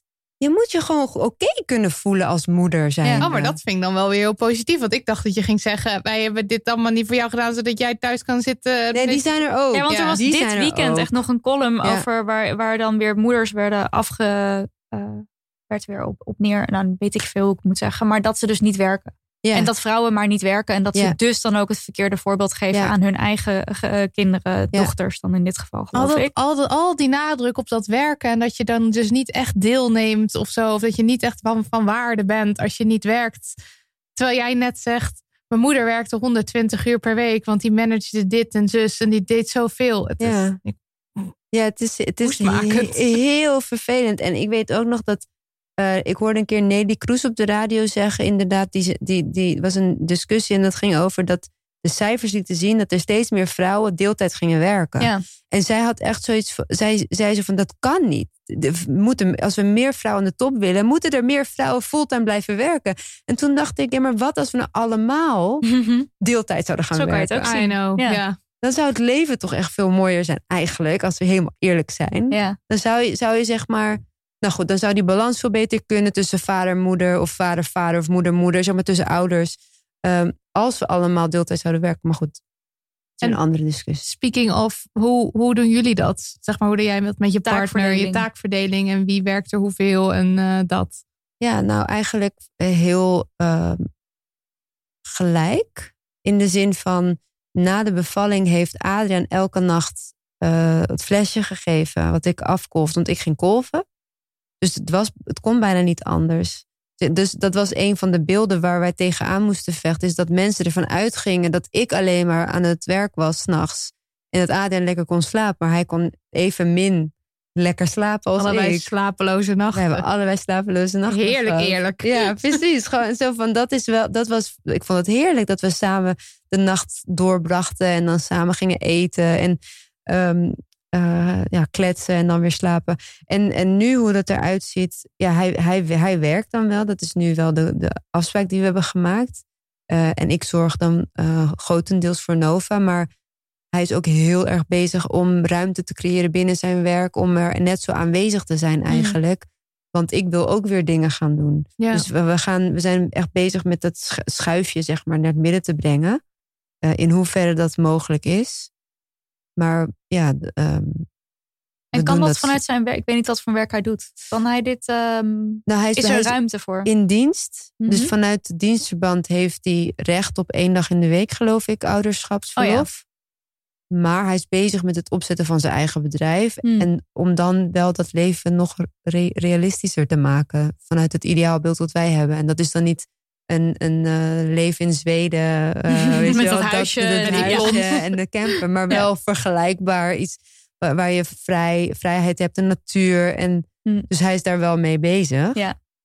En, ik, en ik probeer hem daarin ook te supporten. En hebben jullie Ehm. daar echt van die gesprekken over de, taak, over de taakverdeling? Ja, zeker. We, we doen, eh, dat is wel leuk om te noemen. We hebben elke zondagavond doen we een praktische check-in. Dus Mhm. wat, wat is de komende week? Wat moet er allemaal gebeuren? Ik hoop voor... wel dat je zoiets ging zeggen. Dat is een super praktisch ding wat je Ja. kan doen. Ja, het is heerlijk. Dus dan checken we wat is er, wat, wat moet er gebeuren voor Nova? Wat, wat heb ik nodig deze week? Wat heb jij nodig deze week? Qua afspraken en vrije weet je, of plannen. Dus hij is nu bijvoorbeeld met Nova bezig, zodat ik hier kan zijn. Ehm, en op maandagavond doen we een emotional check-in. Dus dan Mm. hebben we samen badnacht. Gaan we in bad zitten en dan gaan we kletsen over. Oh, Hoe voel jij je? Hoe voel ik me? Wat heb je emotioneel deze week nodig? Ja. Dus op die manier proberen we dus continu eigenlijk een soort... eh, nou ja, het verdragen... Ja, klinkt heel, heel zwaar, hè? Maar zo bedoel ik het denk ik niet. Maar het wordt draaglijker. Omdat we nu samen die, die eh, afspraak hebben van deze week is dit belangrijk. Zodat ik er... Ik heb niet het gevoel van ik draag alles alleen. Nee, precies. Nee. Dus ik kan ook zeggen van, hé, hey, weet je nog, ik wou die was doen. Het is me niet gelukt, wil jij het doen of wil jij Ja. het vouwen? En dan Ja. doet hij dat. En is je relatie dan ook veranderd? Ja, zeker. Zeker. En op welke manier? Oh, op zoveel manieren. Ik weet niet waar ik moet beginnen. Nee, het, het is helemaal niet zo dramatisch hoor. Maar het is veranderd. We hebben allebei nou ja, een hele grote rol erbij gekregen. Ehm, die tijd, eh, waar we tijd in investeren. Dus er is een tijd wat we in elkaar stopten, die is, die is minder geworden. Want je wil ook nog tijd in jezelf stoppen. Ja. Dus daarom hebben we dat soort afspraken ook om nog bij, echt bij elkaar met elkaar te zijn. Mhm. Ehm, en het is veranderd in de zin van de, het avontuur gaat niet meer over de liefde tussen ons, maar het avontuur gaat over de liefde die we hebben voor ons kindje. Hmm. Ja. Dus er is een soort sensualiteit, seksualiteitsspel. Dat is, dat is verschoven en er zit niks meer seksueels aan, zeg maar. Dus dat is, we zijn Ja. vooral met de liefde bezig voor onze zoon. ja. En dan zijn wij nog aan het zoeken naar, oh ja, wij zijn er ook nog fysiek en En mentaal. hoe ga je dat dan Ja. weer? En ja. hoe gaan we dat een nieuwe invulling geven? Ja. Dit is ook wel echt alle ballen in de lucht eigenlijk. Want Zo, oh, ja, alles? Je, je relatie, je kind en jezelf. Want heb je ook nog tijd voor jezelf? Kijk, Ik heb- Kan je daar goed... Lukt dat jou? ja. Dat lukt me nu. En dat was, Hmm. Maar dat was een paar maanden geleden was dat echt anders. Dan, eh, kijk, mijn partner is echt... He's amazing. Hij zegt tegen mij, zeg wat je nodig hebt. we- We're gonna make it work. Mhm. Dus ik hoef maar te zeggen, ik wil nu twee uur eventjes dit doen. En dan zegt hij, oké, dan moet ik dit even verschuiven. Doe ik zo en zo. Maar ik deed dat niet. Ik ging Nee. hem dat niet vragen. Omdat ik dacht, hij heeft al zoveel aan zijn hoofd. En dan ging ik alles in mijn eentje Maar dragen. dit precies lijkt me dus heel moeilijk. Dus Ja. eh, ook al weet je dat het goed voor jezelf is, die ruimte innemen en hem, nou ja, zelfs misschien wel opeisen. Ja. Dat lijkt me heel moeilijk. Ja. En ook omdat je het misschien ook deels niet wil. Want je wil misschien ook wel bij je kind zijn. En tegelijkertijd is het ook zo goed om iets voor jezelf te doen. Het is de wereld. Ja. Want, want eh, het, het is fantastisch om met je kind te zijn, maar je hebt die, die, die ruimte en die rust nodig om Ja. op adem te komen, om even te checken van, wow, waar ben ik eigenlijk? Ja, ben Voel ik ik, me eigenlijk wel oké? Mhm. Zo, Doe ik dit nu allemaal niet op de autopilot, weet je wel? Want het is heel makkelijk om jezelf te verliezen. En niet alleen in een kind, maar dat kennen jullie sowieso ook wel. Van dat je, als je te veel geforceerd in iets blijft hangen, in een, in een deadline of zo, dan kan je in een soort van, je komt even uit jezelf. Mm, ja. je bent er even niet. En dat, ja, dat gebeurde mij continu. Ja. En op een gegeven moment, ik denk dat het ook te maken heeft met het ontzwangeren. Mhm. Maar ook te maken met dat ik op een gegeven moment besefte van... holy shit, als we zo verder gaan... dan snap ik dat er zoveel ouders uit elkaar gaan... in die eerste paar jaar met hun kindje. Omdat je gewoon, je groeit zo snel uit elkaar. Want Ja. de tijd die vliegt voorbij. Dus ik moet aan mezelf gaan werken. En dat ben ik ook gaan doen. Dus ik ben begonnen bij een, bij een GZ-psycholoog... aangegeven bij de dokter en alles. Zo van, voel me gewoon alsof ik aan mezelf voorbij ga. Mhm. En ik heb tegen hem gezegd van, doe jij dat ook? En ik, ik heb hem niet gedwongen dat, dat, er maar één manier was. Maar ik zei, wij moeten allebei met onszelf aan de slag. En Mhm. hoe dat, in wat voor vorm dat dan ook is, I don't care. Als we dat niet gaan doen, dan voelt het echt als dat die afstand tussen ons groter wordt. Want ik voelde op een gegeven moment een soort afstand Ja. naar hem toe.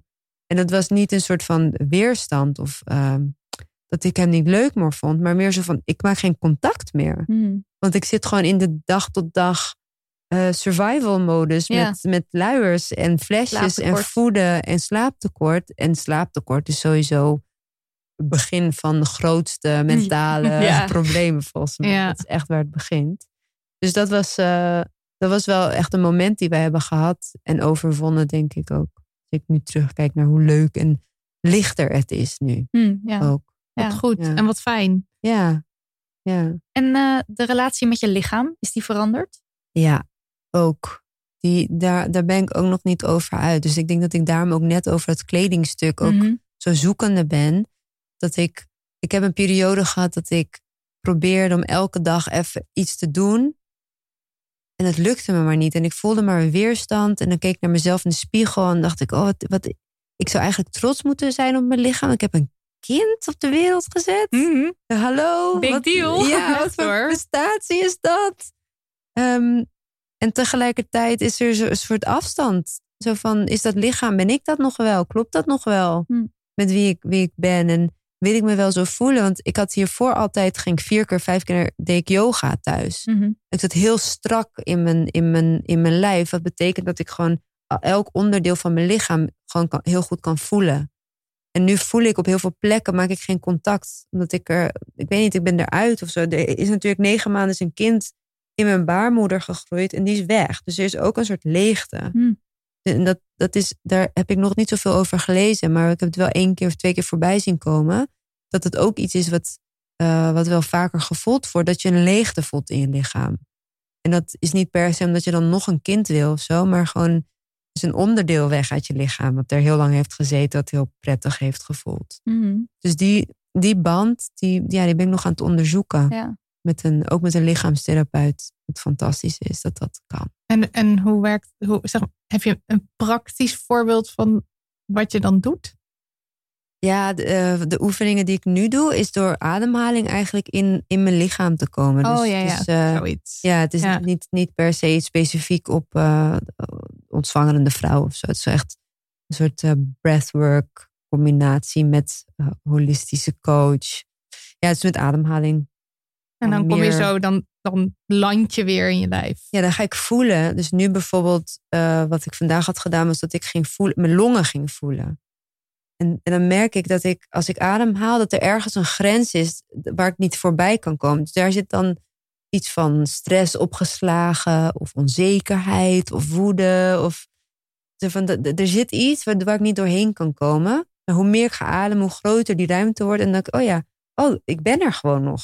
Zeg maar, snap je? Ja, ik snap het. Ik, vind, ik, vind, ik ben helemaal gefascineerd. De, Ja. Bre- Breathwork is helemaal, ik vind het helemaal leuk. Zo goed. Het is zo een. Ik vind het helemaal leuk. Ja, Helemaal leuk. Helemaal leuk. Hey, ik heb Ja. nog één laatste vraag. Ja. Eh, want ja, zoals we al verwacht hadden, we gaan nooit alles kunnen bespreken hierin. Maar ehm, hoe jij naar jouw eigen ouders, en misschien specifiek je moeder, nu kijkt. Met heel veel ja, waardering sowieso. En ongeloof. Mijn moeder was 19 Oh ja. toen zij haar eerste kind kreeg, mijn broer. En ze was 23 toen ze mij kreeg. En dat ik echt alleen maar denk: hoe dan? Oeh. Mhm. Hoe dan? Heb jij op je 23ste twee kinderen en toen op je 30ste drie kinderen? Ik ben nu 32, hè? Ik, en het lukt me niet eens altijd met één. Ja. Ik denk, hoe heb je dit gedaan? Dat ik, ik snap het gewoon niet. Ik En praat je niet- daarover met haar? We praten erover, maar mijn moeder is niet iemand van veel woorden. Dus Hmm. het is vooral met eh, fysieke aanwezigheid en het knuffelen. En ze is er voor me als ik het heel zwaar heb. En ze, ze is gewoon heel fijn. Ehm, om het, ze, ze communiceert dat op die manier met me. Eh, maar ik heb haar wel eens gevraagd van hoe heb je dit gedaan? Van waar, wat, en, en wat, wat haar dan haar geluk is geweest, is dat zij ehm, woonde deels in huis bij mijn eh, oma, dus bij haar schoonouders. Mhm. En alle andere kinderen en aangetrouwde eh, vrouwen, die, die kwamen over de vloer bij elkaar. Dus ze hebben het heel erg samen Ja. gedaan. Hm. Maar dan nog steeds. Zeg maar, dat ging, ze ging op een gegeven moment ergens anders wonen. Dat je dan met drie kinderen, de een moet naar zwemles, de ander gaat dit doen, Ja. voetballen. Zo van hoe manage je dat? Een heel huishouden en ook Ja. nog werken en ook nog van alles. Dus ehm, ik heb enorm veel waardering. En eh, ik, ik snap haar blik en haar eeuwige geduld ook nu beter met mij. Hmm. Ah. Ik was denk ik best wel een pittig, pittig kind. En ik zie nu al bij mijn Dat eigen, Nova. bij mijn eigen kindje. Dat ik denk, oh god, die is zo krachtig. In, wat ik net al zei, hij, heeft zo'n, Vocaal. hij is zo vocaal. En ik was dus ook heel... Ik vond laatst een, een, een mixtape van mezelf. En dan ging ik radiootje opnemen op een appara- apparaat. En ik ben daar drie, vier jaar oud. En ik ben aan het lullen. Ik ben aan één stuk door aan het lullen, lullen, lullen. En mijn Zo moeder is cute. dus niet iemand van veel woorden. Die hoor je op de achtergrond. En die zegt, kom nou, Fatma, kom nou. Oh. en ik blijf maar praten en praten. En ik denk, oh mami, oh ik heb je zo vermoeid. Ja. je was al zo moe waarschijnlijk met al die kinderen om je heen. Nou ja, dat begrijp je dan ook allemaal nu pas eigenlijk. Ja, ja. En Mijn dus- moeder zei ook altijd, wacht maar tot je zelf moeder bent. Ja, dat- ik weet niet ja. of je dat herkenbaar is, dat jullie Wel, wacht ook maar zeiden. tot jezelf. Ja, wacht, maar- ja, en dat vind ik dan altijd heel stom. Ja, ik vind als mensen dat zeggen. Maar Ja. ik snap wel dat het dus, als het dan inderdaad zover is, Ja, dat het wel klopt. dat het klopt. Ja. En is jullie band ook veranderd nu? Is, eh, Ja, heel, heel. eh, het voelt heel erg eh, team zelfde schuitje. Of ja. zo. Ja, kan Mooi het niet op een andere manier. Zo van, ik snap haar, zij snapt mij. eh, we hebben heel weinig woorden nodig. Eh, het is wel een heel. Ik ben wel door een heel proces gegaan, maar ik weet niet of we daar tijd voor hebben. eh, met, Doe maar hoor. Ja? Ja. Ehm, ik ben dus heel erg erachter gekomen dat in mijn zwangerschap of na de bevalling ehm, heb ik me heel erg eenzaam gevoeld. En dat heeft ook te maken met COVID. Weet Ja, je wel? ja, dat was met, natuurlijk bij met de isolatie. Ja. Zeg maar, wij hebben eh, alleen maar in lockdown gezeten, zeg maar, die eerste paar maanden. Dus dat was heel moeilijk om te zoeken naar laten we ze binnenkomen, wat gaan we doen, klein kind, blablabla, moeilijk. Ehm, maar toen is er wel toch heel veel afstand geweest vanuit de isolatie, social distancing, maar ook vanuit mijn noodzaak of mijn behoefte om het alleen te doen. Zo van, ik ga het zelf uitvinden. Mm. Ehm, zoals ik net ook aangaf over trouwen. We hebben daar zelf gewoon ons eigen beeld van gemaakt. En ik wil me niet, ik wil me nergens in eh, beperkt voelen door wat men vindt dat het moet zijn. Ja. Dus daarin waren we heel erg met z'n twee op zoek. En daarin heb ik ook een soort afstand eh, gehad naar mijn ouders toe. Want zij dachten op hun beurt, oh, zij willen het zelf doen. Dus we laten Ja, dus ze ook. laatste, ja. mm, Terwijl eigenlijk, achteraf besefte ik me hoe erg ik het nodig had eigenlijk. Dat ze er wel ja. waren. Dus dat, eh, dat, dat besef is later pas gekomen. En dat is misschien de afsluitende fun fact. Nee, het is geen fact. eh, maar over mijn ervaring als moeder zijnde. Dat ik op heel veel fronten mezelf beter heb leren kennen. En dat er door de bevalling ook heel veel oude wonden en oude pijnen naar het licht zijn gekomen. Doordat ik gewoon fysiek helemaal ben op, opgeschud. Mm. En dus heb ik weer mezelf opnieuw uit te vinden. En te beseffen, oh, ik wil eigenlijk de dingen helemaal niet alleen doen. Ik wil, ik wil dat met mijn moeder bij me doen. En ik wil dat met vrienden doen. En ik wil die gezelligheid. En ehm, ik deel daar heel graag over. Terwijl hiervoor was ik best wel... Ook, dat heeft ook te maken met de cocoonen en naar binnen keren. eh, voor een tijdje na de bevalling. Maar eigenlijk ehm, is dat ook iets wat erbij eh, komt kijken. Is eh, de geboorte van de moeder. En wie Ja. is zij dan? En wat vindt ze leuk? Vindt ze belangrijk? nou, Dat. het mooi gezegd eigenlijk wel. Mooie wijze les. Zeker. Nou, Ja. Dankjewel voor alles. Ehm, laten we in de show notes het boek zetten wat je net noemde. Ja. En je hebt, Rising, Mom Rising, Mom Rising. ja, en er is ook nog een ander boek waar we het voor de uitzending eventjes over gehad hebben. Die zullen we ook even in de show notes zetten. Ja. Yes. En eh, ja, dankjewel. Graag gedaan.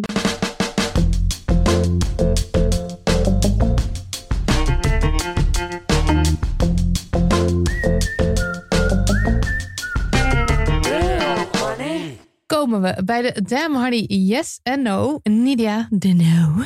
Ja, ehm, het is ondertussen alweer opgelost. maar ik wilde het toch even bespreken, omdat het denk ik symbool staat voor iets groters. Ik heb het namelijk over pinky gloves. Zegt dat jullie iets? Oh, je gaat smullen, Fatma. Nou, Geen idee. Ho, ho, ho. Nu niet te hoge verwachtingen hebben. Het is een Duitse start-up. En het is opgericht door drie cismannen. En zij kwamen met een briljant idee. Namelijk het volgende. Roze wegwerphandschoenen op de markt brengen. Met een hartje erop gedrukt ook nog. Eh, zodat je je tampon of maandverband discreet en hygiënisch weg kan gooien. ja, deine discrete lösing für unterwegs. En dat is als je door de Google Translate eh, gooit, betekent dat uw discrete oplossing voor onderweg.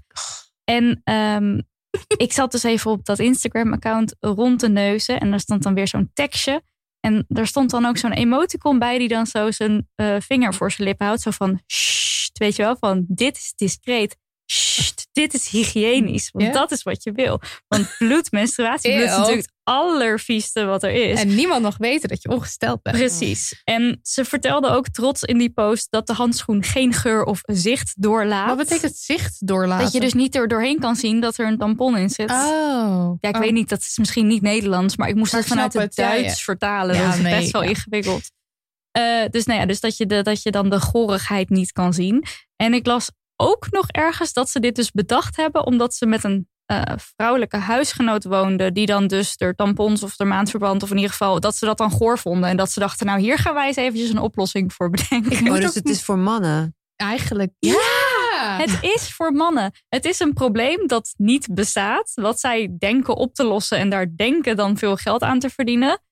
Aan de hand van schaamtecultuur Ja. en het taboe op menstruatie in stand Of het eigenlijk niet eens in stand houden, maar het nog net eventjes een tikje erger maken. Door er zo de nadruk op te leggen van kijk hoe vies het is. Je moet het echt ik, moe- ik moest wel zo lachen om die foto's de hele tijd. Want dan zie je zo twee of drie van die, van die, van die zullige mannen zo staan met dat product. Dan denk ik, met de duimpjes omhoog ja, ook. het is echt zo. Oh, het is echt verkeerd op alle fronten. Maar ik moest ook wel echt lachen erom. Het doet me dus ook heel erg denken eh, aan de aflevering. We hebben met Marieke IJskoot, een aflevering nummer 49 was dat opgenomen over merken en bedrijven die dus schaamte gebruiken om spullen te maken. En die spullen die zijn vaak dan ook nog eens niet duurzaam. Dus het is ook gewoon kut voor de wereld. Maar die schaamtecultuur in stand houden is natuurlijk qua eh, bedrijven gezien, markt, marketingtechnisch gezien, heel slim. Want als je maar vaak genoeg gaat zeggen dat iets heel goor is, Ja. ja, dan wil je wel vanzelf een roze handschoentje met een hartje erop. Maar het kut is ook gewoon, als ik terugdenk aan vroeger vooral, vond ik het ook daadwerkelijk goor. Allemaal, weet je wel. En je schaamt je er al voor. En we, we, we doen juist ons best om dit allemaal zo te Verborgen doorbreken. Ja, ja, en we Ja. willen dat graag doorbreken. En dan komen deze drie zullen weer even vertellen dat het inderdaad goor is. En hier is een product wat je moet En kopen. Wat mij er ook heel erg aan stoort, is dat er jarenlang geen goede innovaties zijn geweest op dit gebied. Ja. Ik moet wel zeggen, de afgelopen jaren is het wel echt een stuk beter met menstruatieondergoed en allemaal verschillende cups. Ja. En ik zie echt toffe dingen voorbij komen. Maar goed, zij komen dan met dit. Terwijl eh, er bestaat zoiets als een kraam.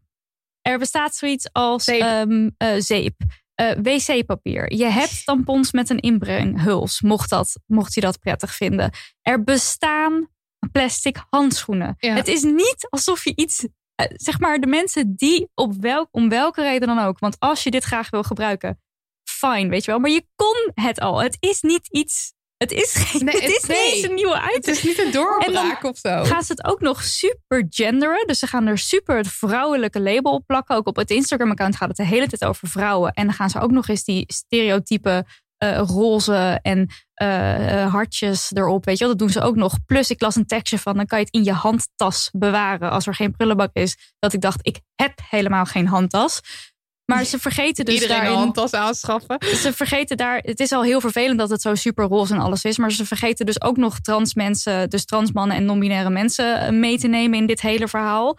Als je dan nu met iets nieuws op de markt komt, let daar dan op zijn minst op. Weet je wel, echt. Ja. oh. Ehm, Koppijn dit. en ik moest dus wel lachen, want er was dus eh, iemand die had onder de Pinky Gloves Instagram een post, eh, een comment geplaatst. Maybe I, a 70 70-year-old woman, should design blue gloves for men to use while holding their penises to pee. Vond ik zo grappig, want dat is het. Ja. Dat is het. Het is gewoon, ja, ja, dat is het. Ehm, en eh, waarom het dus nu opgelost is, is omdat ze dus besloten hebben om het van de markt te halen en alle eh, nodige maatregelen treffen om dus te stoppen met de in- en eh, verkoopactiviteiten en zo. ja, dus, want er was heel erg veel ophef. Ja, Oh, gelukkig. Ja. ja, er was ophef. En eh, ik wil nog één ander ding doen. Ik wil nog even iets voorlezen, want eh, we kregen een berichtje van Sefta en zij mailde het volgende. En het- ik vind het hier gewoon, ik vind het, het sluit erop aan. Normaal gesproken ben ik een stille bewonderaar van jullie geweldige podcast en luister ik met veel plezier naar de inzendingen van andere luisteraars. Maar vandaag moet mij echt iets van het hart. Ik ben vandaag redelijk onverwachts ongesteld geworden op werk en had helaas, helaas niets bij. Nu iedereen thuiswerkt, was er haast niemand te bekennen om een tampon aan te vragen. Dus besloot ik snel even naar het tankstation aan de overkant te rennen. Ten eerste baalde ik altijd dat tampons achter de counter lagen en er dus om moest vragen, in plaats van het zelf te kunnen pakken en afrekenen. Maar toen de kassajongen om 6,75 euro vroeg, Oh my god. was de kous echt af. Ik heb het helaas wel moeten betalen, want 6,75 is nog steeds goedkoper dan een nieuwe bureaustoel. Dat moest ik erg om lachen. Maar heb daarna wel mijn ongenoeg geuit in de onderstaande mail. En ze heeft dus een hele goede mail naar het tankstation gestuurd. eh, waarin ze noemt van ja, het is een noodsituatie. Ik kan niet anders. En jullie, jullie vragen gewoon zoveel meer dan voor precies ditzelfde pakje bij de Ethos of bij een andere eh, winkel. Dat is toch schandalig om op die manier daar misbruik van te maken. Ja, het is echt belachelijk. En het, maar even ook, het zou gewoon bij haar op werk moeten liggen. Ja, precies. het Gewoon zou in een overal mandje. altijd aanwezig Gewoon moeten zijn. altijd ergens, ook gewoon bij je thuis op de wc, gewoon altijd ergens soort van een tampon ergens of een maandverbandje voor de noodgevallen, voor als er iets aan de hand is. Je zou er niet om moeten vragen. Het moet er gewoon zijn. Ja, Dus, ja, nou ja, ja. goed. Dat. Ja, triest. Marilot. Ja. De manies. De manies. Eh, de ja. Persoonlijk klein demoniesje is dat meerdere mensen in de Slack en de DM hebben mij erop wezen dat je Arkansas uitspreekt als Arkansas. ik wist de vorige keer niet hoe ik was opeens helemaal in de Dit war. deed me dus heel erg denken aan... It's not Wingardium Leviosa. It's Leviosa. It's Arkansas. Arkansas. Nu ga ik het ook nooit Ja. meer vergeten. Maar Arkansas. Arkansas. ja, oké. Heel grappig als je dat opeens niet meer weet. Eh, ja, nou, ik wil het eventjes hebben over eh, de Clit-test. Dat is een, een website in het leven geroepen door twee Britse feministen. Wacht, ik, zoek, ik ga even het één keer hun namen noemen. Frances Rayner en Irene Tortajada, denk ik. En eh, zij maken zich, net als wij, regelmatig eigenlijk druk over die constante eh, penetratieseks in films en series. Dat het altijd als je een seksscène ziet, Drie dat- keer pompen. dat drie keer pompen, vrouw komt klaar. Ja. Klaar. En dan gaat het dus om hetero stellen. En dat er eigenlijk weinig aandacht is voor de clitoris. Terwijl dat toch een vrij cruciaal ding is voor veel mensen. Om, eh, Clitoris. clitoris, Arkansas. Sorry. En eh, dat het toch een, een vrij eh, clitor, vrij cruciaal ding is voor mensen. En dat er dus eh, nou, weinig aandacht is over het algemeen als je gewoon naar een film of een serie zit te kijken. Nou, ik maak me daar ook altijd heel kwaad over, want dan denk ik echt, het kan nooit dat zij nu al klaar komt. En dan, nou zit ik hem helemaal op te winden. Ehm, nou, en zij hebben de eh, website clittest.com, denk ik, in het, ook. leven, ja, in het leven geroepen. Nou, is het niet, ik bedoel, ik ben niet mega enthousiast over hoe ze het hebben aangepakt. Want het idee is dus dat je een liedje of een scène uit een film of weet ik veel, gewoon ergens iets ziet waar er dan aandacht is voor de clitoris. en dan, dan het, zeg maar, om, om daar dus wat meer. Het is een positieve site om wat meer, nou, gewoon een clitoris eh, feestje te vieren. En wat ik wel leuk vind, maar ehm bent ook niet altijd. Er mogen ook best wel wat meer fills tussen. Er staan erg veel scènes en, en liedjes en zo tussen waar het allemaal maar waar ze dan blij mee zijn. Bijvoorbeeld Bridgerton. ehm, waar ik me juist heel erg over op zat te winden. Want oh, je bedoelt dat het te snel het stempel krijgt, dit is toppie. Ja, Oké. je hebt een beetje het idee van, oh, dit liedje is toppie, deze, deze serie is toppie, terwijl het vaak dan ook wel gaat over een scène, Hmm. maar en niet over de hele serie, want Bridgerton is bij hen bijvoorbeeld een pas, terwijl ik daar juist zoiets had van, nou, dit kan echt beter. Maar eh, ik vind het wel heel erg leuk dat ze hier dus dat ze hiermee bezig zijn, dat deze website bestaat, dat je hier dan gaat kijken van, oh, nou daar is er aandacht voor de clitoris en daar en daar en daar. En eh, zij, zij lieten dus ook weten dat zij dan heel veel berichtjes hebben gehad van nou, meiden, jonge meiden vooral, die dachten dat er echt iets mis was met ze, omdat ze niet klaarkwamen door penetratie. En eh, dat ze dus nu wel beseffen van, oh, dat is dat. Dat klopt. Het, het is niet zo dat als drie keer pomp klaar en als dat met, met mij niet gebeurt, dat er dan iets mis is. Mhm. Dus ehm, nou, ja, ik wil er toch heel wel eventjes de aandacht op vestigen dat ik dat leuk vind. Want mensen, en we merken het, ik merk het ook steeds in gesprekken, hebben toch bij het woord seks het idee dat het gaat over penetratie. En ehm, dat je een bepaald script volgt, weet je wel? Van, eh, oh, dan moet er nu ergens een piemel in of zo. Terwijl seks is zoveel meer dan penetratie. En daar komt die vraag dus ook, en daar wil ik nog eventjes aandacht op vestigen. Die vraag die wij best vaak krijgen als we eens iets zeggen van, nou, kom, kom maar door met je vraag over seks, is hoe hebben twee vrouwen seks? Ja, die vraag daar, vaak. Ja, nou ja, of wij als platform, zeg maar. Ja.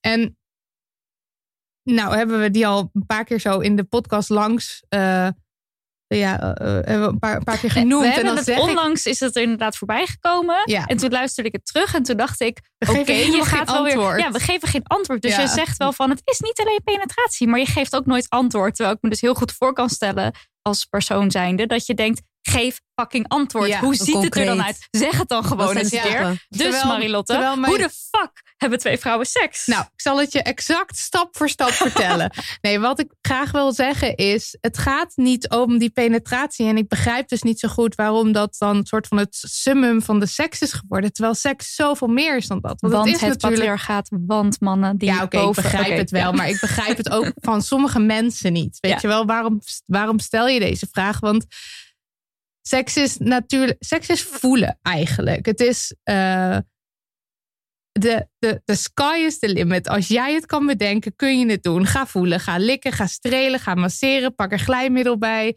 Eh, eh, ik, eh, ik hou van, van gebeft worden bijvoorbeeld. Een vinger is hartstikke leuk. En je, daar kom ik ook zoveel lekkerder van klaar dan van penetratie. Ik kom eigenlijk niet klaar van penetratie. Ik hou helemaal niet van penetratie. En, ehm, Maar het kan wel, Het want je kan, kan een strap-on gebruiken als je het hebt over twee cis-vrouwen. ja, je kan een strap-on gebruiken. Je kan met seksspeeltjes aan de haal. Je kan een vibrator erbij pakken. Je kan. eh, het gaat eigenlijk gewoon over iets proberen. Voelen of je het lekker vindt. Communiceren of je het lekker vindt. En eh, van daaruit dus gaan experimenteren. Dat is hoe ik seks heb. En nu is het ook klaar en nu weten de mensen het en hoeven ze het ook niet meer aan je te vragen. Nee, dan verwijs ik ze naar dit stukje. Nou, oké. Nou, dan was het. Dit was aflevering 66. Padma, dankjewel. Heel, Heel erg bedankt leuk. voor alles. Eh, Daniel, Lucas, Lisbeth, Holy Three. Dank voor jullie bestaan. Lieve luisteraar, ook bedankt voor het luisteren. En eh, wil je meer van onze zoetgevoiste stemmen? Overweeg dan eens een maandelijkse donatie van een eurotje of meer. En dan krijg je toegang tot de bonusafleveringen. Of je afleveringen. zegt afleveringen. Of je zegt gewoon nu tegen iemand die het dichtst bij je is: Hey, heb je wel eens eh, naar Demo niet geluisterd? Dat is hartstikke leuk. Moet je ook eens luisteren. Ja, vinden we ook fantastisch. Ja, of doe het allemaal niet. Zelf weten. Altijd zo.